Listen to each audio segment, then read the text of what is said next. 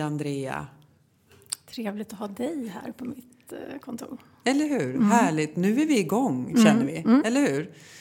Redan förra veckan så smygstartade vi ju. Många var tillbaka från jobbet och affärerna börjar trilla in, eller hur? Precis, och du har ju en eh, sömnklocka där som jag tyckte var lite roligt. Du, jag har köpt en sömnklocka. Den mäter min sömn, hur många timmar jag sover. Den mäter hur många timmar av de timmarna eh, som är djupsömn. Och man ska ju ha vad jag förstår mellan 10 och 25 procent av eh, antalet timmar som man sover ska vara djupsömn. Och jag sover väldigt, väldigt bra. Mm. Jag tittar varje morgon när jag, när jag vaknar så tittar hur har jag sovit. Jag sov när jag hade semester. Då snittade jag nio timmar varje natt. Det är bra. Det gör jag inte nu när vi jobbar. Ja, men det är jättebra. Men jag eh, träffar ju många som har lite jobbigt med eh, sömnen. Mm. Och då behöver man ju prata lite kring rutiner om sömn. Jag tänker att det kan vara lite intressant att prata om. Eftersom många börjar jobba nu. Ja. Och man kanske också har vänt på dygnet lite, somnat lite senare på kvällarna och sådär. Mm. Ehm, min första rekommendation är att eh, dagsljus det första du gör på morgonen. Ja. För att eh, avaktivera melatoninet. För jag gör ofta normalt så här att jag börjar duscha och göra mig i ordning och sen. Men eh, egentligen så är det mycket bättre att det första du gör mm, har få dagsljus i 15-20 minuter. Så då ska man upp och gå lite kanske eller? Komma ut, ja. ja ta en snabb powerwalk och det räcker med en kvart? Ja, jag. eller sätta dig, på, sätta dig ute bara. På trappan mm, en kvart. Mm och få det här dagsljuset. Mm. Bra rekommendation. Börja med dagsljus. Sen har jag faktiskt en bra rekommendation när det gäller sömn. Eh, och den fick jag av Anders Hansen som jag lyssnar väldigt mycket mm. på. Jag tycker väldigt mycket om honom. För er som inte vet vem han är så är han eh, överläkare, psykiatriker och författare. Han hade ett intressant sommarprat förra sommaren om hjärnan och hur fysisk aktivitet påverkar vår hälsa. Men då sa han att släng ut mobiltelefonen från sovrummet. Och det har jag gjort. Sen säkert ett halvår tillbaka. Mm, jag har ingen mobil i sovrummet. Jag gick till Clas Olsson köpte mig en liten väckarklocka för 99 kronor. Och den väcker mig på morgnarna. Mm, det är bra. Så det är kanske därför jag sover så bra. Bort med mobilen, starta med lite dagsljus. Och se om du märker någon förändring. Är inte det ett hett tips? Jo, och sen är det också viktigt att ta reda på när man behöver somna på kvällarna. Alltså ens egen sömnklocka. Ja. För den är faktiskt olika. Vissa behöver gå och lägga sig tidigare, andra senare. Och att man anpassar efter det.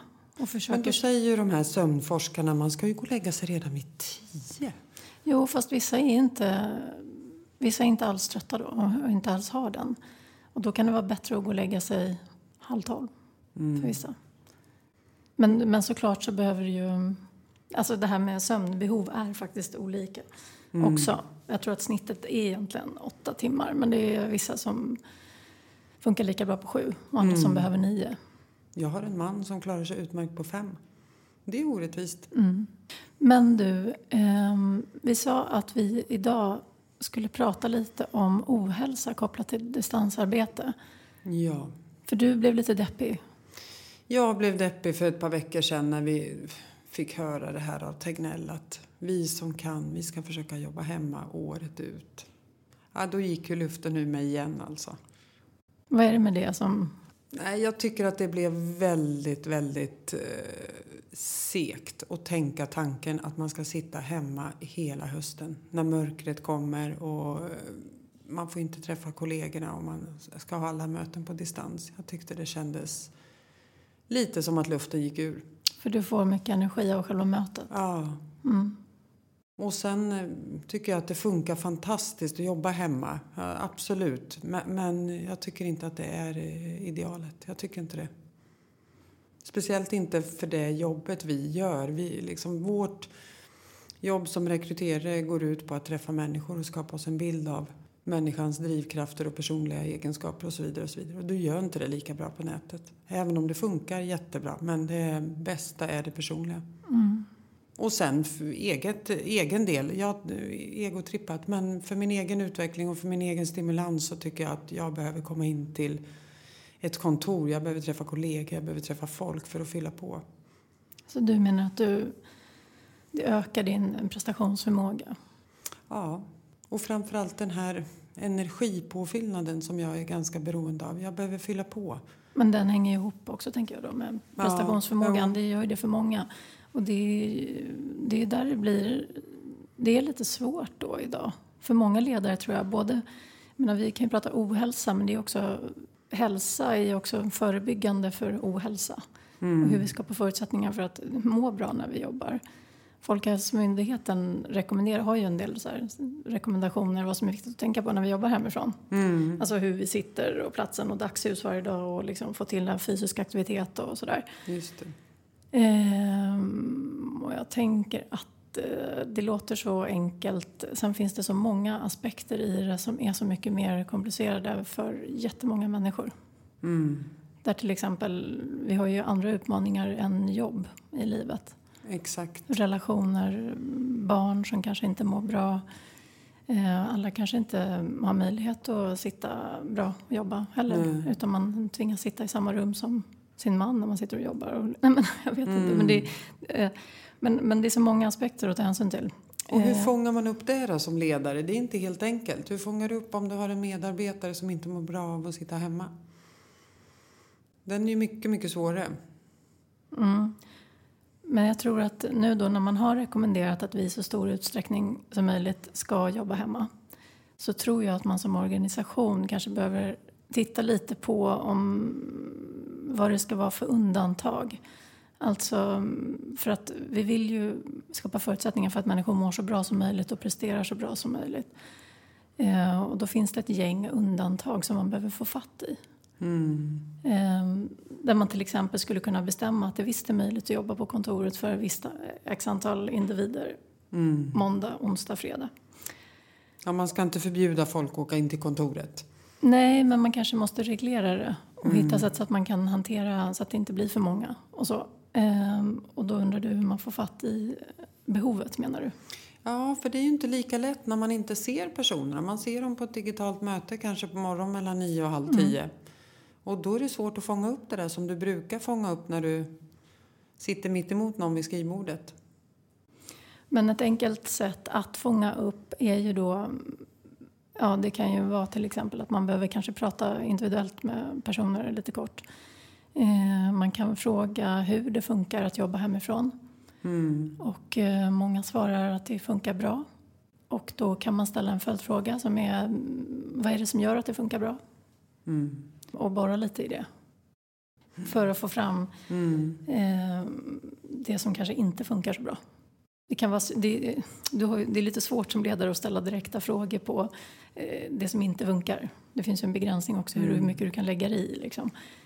Men du kan fråga kring eh, det som man säger då funkar bra. Mm. Och så får, kommer det andra säkert ja, fram på precis. ett eller annat sätt. Exakt. Så att det är svårt. Och, så det handlar ju mycket om att skapa ett klimat där, man, där medarbetaren känner att de kan komma med det som mm. är svårt.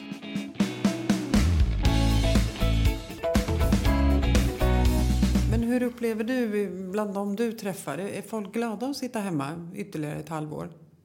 Det är ganska många som det inte passar. Det är ganska många som tycker att det passar jättebra 40-50 eh, procent av tiden. Men man vill inte göra det 100 procent av tiden. Mm. Därför att det skapar andra problem. Eller om det är till exempel så att eh, vi har relationsproblem till exempel så kan det fylla en stor funktion att komma iväg till jobbet. Mm, och få något annat att tänka på, byta miljö. Och... Ja, precis. För att, mm, ja, exakt. Så att eh, svar nej på det. Mm. Det är många som inte tycker att det är optimalt. Det är många som tycker att man har hittat väldigt mycket positiva aspekter det här med att det minskar stressen. Att kunna fixa med diskmaskinen, fixa tvätt mm. och sånt där mellan jobb och ta en paus. Det rekommenderar ju Folkhälsomyndigheten också. Verkligen. Jag tänker, vi pratade om det för några veckor sedan, mm. någon som hade skuldkänslor. Ja. Eh, men de säger ju det. Det är ju nu man ska göra sånt. Som, Precis. För det minskar ju den totala mängden stress. Exakt. Men just också att många pratar om det här fördel. Det, det är ju, tycker jag, är det något som folk lyfter fram med fördel så är det att man slipper restid. Det är många som sparar två timmar om dagen på att sitta hemma. Precis. Och då kan du göra något annat på det. Till exempel fysisk aktivitet. Exakt. Där tänker jag som, som eh, ledare då, för det blir svårt för medarbetaren att det blir mycket organisationen som måste skapa förutsättningar för att eh, man kan röra sig på dagtid. Mm. Ta telefonmöten. Så. Det finns ju mycket fördelar av att eh, folk kan röra på sig mer Mm. under arbetstid till exempel. Som inte behöver belasta liksom, tiden innan och efter jobb. Mm. Men det behöver man ju som ledare prata om tror jag. Mm. Och också föregå med gott exempel. Mm. Det är det det handlar om också, att det är okej att ta ett break och, och ta en promenad en kvart. Vi hade, vi hade ju i min organisation så hade vi faktiskt eh, våra one-to-one gåendes. Men det rann ut lite i sanden att vi skulle ha dem gåendes. Men ambitionen var det och vi hade det ett tag. Jättebra. Tar du tillbaka det nu då? Ja, det måste vi ta tillbaka. Vi, vi har gjort det ett par gånger nu under corona när vi inte har fått ses. Då har jag tagit en eh, walk and talk. Men du som ledare Maria, du behöver ju veta det här hur mycket smartare vi blir av att röra på oss. Vet du varför? Nej, berätta. Kortfattat. Det här är ju ett helt avsnitt har vi sagt. Men Mm. en, en anledning är ämnet BDNF. Som det fysisk aktivitet är det som absolut bidrar mest till att skapa det. Som i sin tur eh, leder till att fler hjärnceller som är nybildade överlever. Och liksom skapar förutsättningar för ökade kopplingar då, mellan hjärncellerna. Till Mm. exempel när du lär dig nya saker så handlar det ju om att det här du lär dig ska, nu höll jag på att säga implementeras, men att det ska fastna i långtidsminnet och inte bara start, liksom, i korttidsminnet. Mm. Där har det här ämnet en jätteviktig funktion. Och då har man sett att eh, fysisk aktivitet är det som absolut bidrar mest till att information, alltså till... till Fastnar. Ja, men exakt. Och då överlevnad eh, av hjärnceller. Så att jag tänker att eh, som organisation och ledare, Så är man mån om att ja, ens personal rör på sig. Och Eller det här hur? bekräftar ju verkligen Anders Hansen. Nu kommer jag in på honom igen. Men Ja. han verkligen be- bekräftar det här och har gjort väldigt många studier på grupp, olika grupper. De som rör på sig och de som rör på sig mindre. Och det kan räcka med en powerwalk på en halvtimme. Det behöver inte vara att du ska ut och jogga maraton. Det är inte det det handlar om utan det handlar om att ta en rask promenad. Så får du, ökar du på prestationen. Så det borde ju alla ledare vara väldigt, vad säger man, väldigt eh, måna om att ens personal ska göra. ja men Satsa precis. på friskvård och hälsa. Ja, precis. Och jag tänker så mycket på det här med, som, jag som jobbar så mycket med förändring. Eh, tänker också på hur mycket det handlar om alltså, förutsättningar för att eh, anpassa sig till förändring. Mm. Det är ju just det där med nyinlärning. Och då ska man inte som ledare och organisation underskatta vikten av fysisk aktivitet. För att effektivisera det här med förändringstakten. Mm. Ehm, så det är jätteviktigt tror jag. Det Att titta på att, liksom det här att, eh, ja, men att man ja, föregår med gott exempel som du säger men också så här, är tydlig med att eh, rekommendera fysisk aktivitet på dagtid. För att det verkligen minskar stress också. Mm. Men också det här med solljus, att få dagsljus. Och, komma, ja. och det är ju än viktigare nu i höst faktiskt. För nu har vi inte så Mm. jättemånga timmar på oss att få dagsljus. Det är Nej. lite så. Vi måste ju passa på på arbetstid. För sen när vi kommer hem så är det mörkt. Ja, men det är så. Snart är vi där. Snart är vi där. Nu får vi njuta lite av sensommaren. Mm. Eller hur? Mm.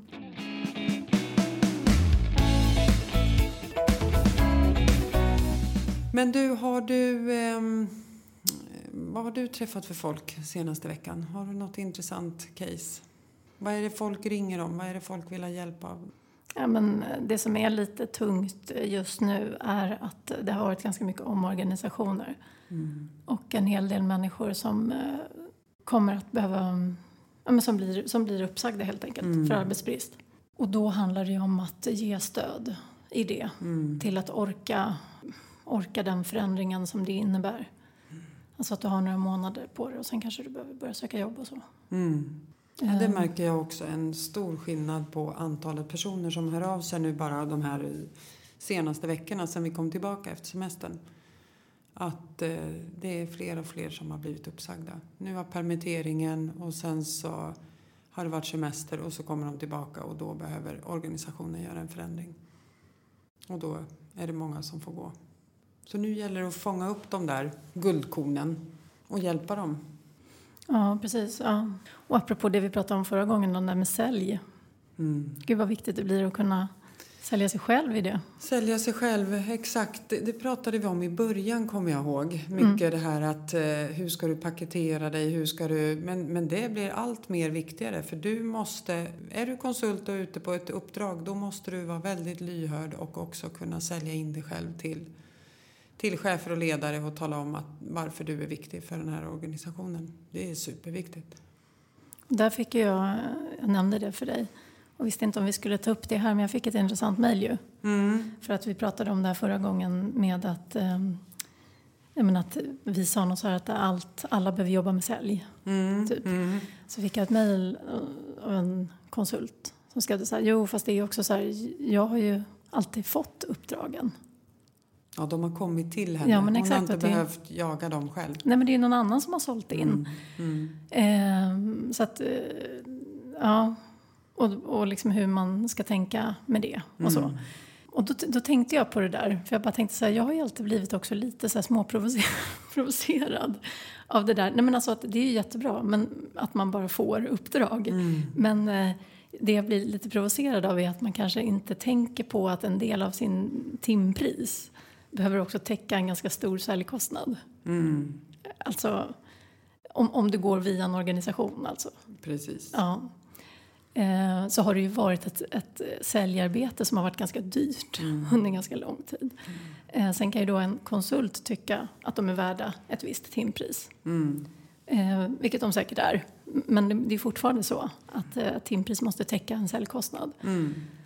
Eh, så jag tänkte på det mejlet så tänkte jag just det där att ja, men, eh, framåt då, vad blir skillnaden om man har kanske bara fått uppdrag Mm. fram till nu? Man blir lite bekväm då. Och det är där vi kommer in i, i bilden som konsultföretag och rekryteringsföretag. Att det är många konsulter som kontaktar oss och säger att ni har ju ögat mot branschen. Ni har kontakterna. Kan ni hjälpa till att sälja in mig? Absolut, men då kostar ju det också. Då kan du inte ta det timarvodet du brukar göra när du själv har sålt in dig själv. Utan då måste vi ju dela någonstans på kakan. Ja men det är ju precis, och sen även när man är på uppdraget så tänker jag också att det kanske blir nu en hel del, alltså skillnad i att ja, men det här vad är sälj? Ja, men sälj är ju så mycket rådgivande. I min värld är det ju det. Eh, och att eh, man kanske behöver liksom göra en större del av det jobbet själv. För att eh, förlänga uppdrag och för att, eh, ja. Ja, man måste visa sig oumbärlig och visa sig behövd. Mm. Det är jätteviktigt. Och då behöver man ju sömn Maria, det är bra att du sitter med den där klockan. Ja, För, för sömnen jag är är redo. Efter, efter, efter fyra och en halv timmes djupsömn, då är jag redo. Då är jag redo att sälja. I natt har vi inte sovit så mycket. Nej. Nej, jag märkte det som sagt när jag hade semester här för några veckor sedan. Då jag snittade nio timmar. Ja, Det är mycket. För en fyrbarnsmamma som har en snart tre år så låter det magiskt faktiskt. Ja. Jag snittar ju inte nio timmar per natt kan man säga. Nej, du har ju varit småbarnsförälder i hela ditt liv så du har ju otroligt mycket sömn att ta igen, Andrea. Och lite så här deppigt när man då hör att sömnbrist minskar alltså åldern. Jag är ju lite trött idag, det är därför jag är lite trög också. Men alltså, vår, vår, vår, hur, hur gamla vi blir. Sömnbrist får- minskar. Alltså vi blir... Vi lever inte lika länge, länge om vi har levt med mycket sömnbrist. Jag har ju levt med skitmycket sömnbrist. Sömnbrist. Ja, ja, det har du faktiskt. Du, I och med att du har haft småbarn så himla länge. Så väldigt många år. Sen kanske jag kompenserar en del då med att jag är hälsosam på andra sätt. Tror du? Men, men jag måste ju få lite mer sömn kanske. Men du, det är därför jag tänker att vi ska, vi ska ju ha det här huset i Åre som vi har pratat om. Då åker vi upp och vilar upp oss, vi jobbar, vi andas frisk luft, vi promenerar, vi åker skidor, vi rör på oss och vi har en god sömn. Därför bokade vi ju nu igen. Ja, Här i slutet av september, det är bra. mm, det är bra. Det blir bra för oss och du får lämna treåringen hemma och eh, få sova liksom i ett streck. För det där är ju intressant också, den här oavbrutna sömnen man får som småbarnsförälder. Att den blir inte konstant. Du kanske sover åtta timmar men du har blivit väckt fem gånger. Det är inte bra. Då Nej. kanske det är bättre att sova sex timmar och sova sex timmar på raken. Ja, men precis. Jo, men det har med djupsömn och REM-sömn att göra och det här. Det tycker jag är... Ja, nej men sömn är ju... en- en- Sömn är nästan ett helt program. Ja, Eller hur? ja. ja, men det är extremt viktigt. Men det här med att vad man gör för att skapa bra förutsättningar för sömn. Mm. Eh, vi nämnde ju det här med vin också Ja. i början. Precis. Vin och dålig sömn, det är inget bra. Nej, men att, och det är faktiskt ingen fara att eh, dricka vin. Men det handlar mycket om hur långt innan du ska gå och lägga dig som du dricker vin. Mm. Och såklart hur mycket. Jättemycket, hur mycket? Jättemycket. Det är jätteavgörande. Ja. Men du, det här med att ta, eh, dricka som man har gjort på semester har man ju druckit lite kanske varje dag. Man tar ett glas vin och ja, man är ledig och man har semester. Men det är ju inga stora mängder. Frågan är, vad, vad är det farligt, Andrea? Nej, det är inte farligt. Nej, men det är inte farligt. Det är så många aspekter i det där. Alltså, nej men just det där man pratar med sömn och eh, alkohol så är det ju just att eh, vin eller alkohol för, försämrar ju kvaliteten på, på, sömnen. sömnen. Så är Mm. det. Så att det har jättemycket med mängd att göra. Ehm, Och hur sent du dricker det. ja, Mm. exakt. Så att eh, man säger att ett, två glas vin är ingen fara. Men eh, dricker du mer än det så, så försämras sömnen ganska betydligt.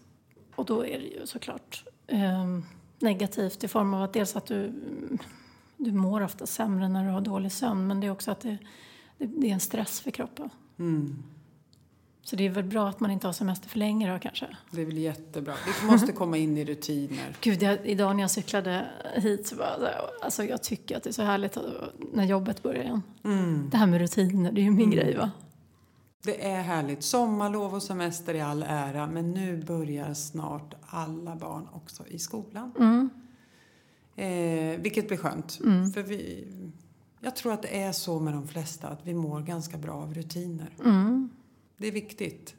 För Nu har vi varit lediga och man, man lever ett speciellt liv när man är ledig och det är härligt. Men, men vi behöver fångas upp och mm, gå in i våra rutiner. Sen att du inte gillar rutinen av att sitta hemma och jobba då, det är det som är... Kommer du åka in till jobbet nu då? Några gånger i veckan? Eller hur, hur ska Ja, du förhålla dig till det där alltså- med dina medarbetare och, och din grupp och dig själv? Nej men det är ju så här, vi flytt, vi, i våras här så gjorde ju vi en flytt. Vi har ju bytt lokaler till världens finaste lokaler. Där vi trivs jättebra och vi vill ju bara vara där. Men, men det är klart att eh, säger Folkhälsomyndigheten att kan man jobba hemifrån för att eh, inte belasta kollektivtrafiken och så vidare och så vidare så, så följer vi de riktlinjerna, absolut. Så att jag eh, har sagt till mina medarbetare att man behöver inte åka in fem dagar i veckan. Eh, men jag tänker inte förbjuda någon att åka in till kontoret som vill eh, sitta där och jobba. Men jag kommer heller inte tvinga någon att åka in som inte vill åka kollektivtrafiken. Så att jag tror så här att vi kommer, vi kommer jobba på kontoret ett par dagar i veckan men kanske inte alla samtidigt. Men jag tänker det där med kollektivtrafiken, det går ju också att hitta lösningar på det. Att man behöver inte börja klockan 8.30. Nej. Alltså, för många tror jag det kan göra ganska stor skillnad att vara på kontoret mellan 11 och 2 flera dagar i Mm. veckan. Precis. Jag tror det också. Eh, och sen är det ju det här, vi, vi, eh, har vi haft det? Om, om, om vi alla testar oss och vet att vi har haft det så är det ju inte lika stor fara heller. Jag har ju faktiskt antikroppar. Och du har tagit reda på det? Mm. Jag måste ta reda på det. För jag, ja. Men vad spännande. Och vad, hur, var du sjuk? Var du riktigt sjuk? Nej, inte Nej. ett dugg. Jag, jag hade gått till jobbet om det inte hade varit corona. Så, eh, det här var liksom i början på pandemin i mars där så var jag lite, lite, lite förkyld. Hade aldrig reagerat på det om det inte var corona. Då hade jag åkt in och jobbat. Men det gjorde vi ju inte för vi satt hemma. Och jag satte mig själv i karantän i 48 timmar och åkte inte ens och handlade och så vidare och så vidare. Jag var lite förkyld. Men sen tappade jag smaken. Det var väl det som fick mig att förstå att det här är, jag måste ha haft corona. Min man var jättesjuk, hostig och eh, sjuk i två veckor. Mm. Så att, eh, nej, så vi är, eh, stora delar av familjen har haft det, har bildat antikroppar. Vad skönt. Jag ska också kolla upp det där. Ja men det ju, kan ju, man, man får ju inte bygga upp någon falsk trygghet i det och liksom gå runt och... Men jag tycker ändå att det känns lite skönt att veta att jag haft det. Så jag tycker att man ska testa. Det kostar ingenting och eh, nu är det inte lika högt tryck. Det var inte det för några veckor sedan när jag bokade tid i alla fall. Då gick det ganska lätt att få tid. Och jag tycker att eh, organisationer och ledare ska jobba för att eh, tänka lite individuellt kring det här med att jobba, på, jobba inne på kontoret och slash hemma. Ja. Så att man anpassar mm. efter situation. Jag tror det också är viktigt. Vissa sitter med småbarn och man hemma och tycker att det är väldigt stökigt. Och vissa sitter i trånga lägenheter och behöver byta miljö. Och jag tycker också det. Det är viktigt att vi tittar på individer. Ja, men... Och inte behöver göra lika för alla.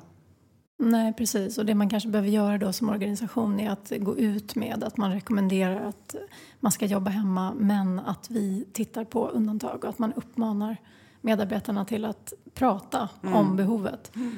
För att det är ju så att vissa, vissa har eh, tre små barn som man ska hämta och lämna där det faktiskt är ganska bekvämt att jobba hemifrån. Mm. Andra har behov av att komma hemifrån. Mm. Där det fyller en vik viktig funktion och då tror jag att man ska skapa förutsättningar för det. För det. Mm. mm. Spännande. Du, ska vi avrunda? Eh, sammanfatta det här avsnittet. Vi har pratat mycket om sömn mm. och hälsa mm. och jobba hemifrån. Nästa eh, avsnitt kommer vi kommer få en gäst i nästa avsnitt. Vi avslöjar inte vem det är nu va? Ja, men en HR-chef. Ja, en HR-ansvarig. Precis. Spännande. Vi, vi tar och rundar av och säger eh, tack för oss och så hörs vi nästa måndag. Ja, bra. ha det så bra. Du med. hej. hej. hej.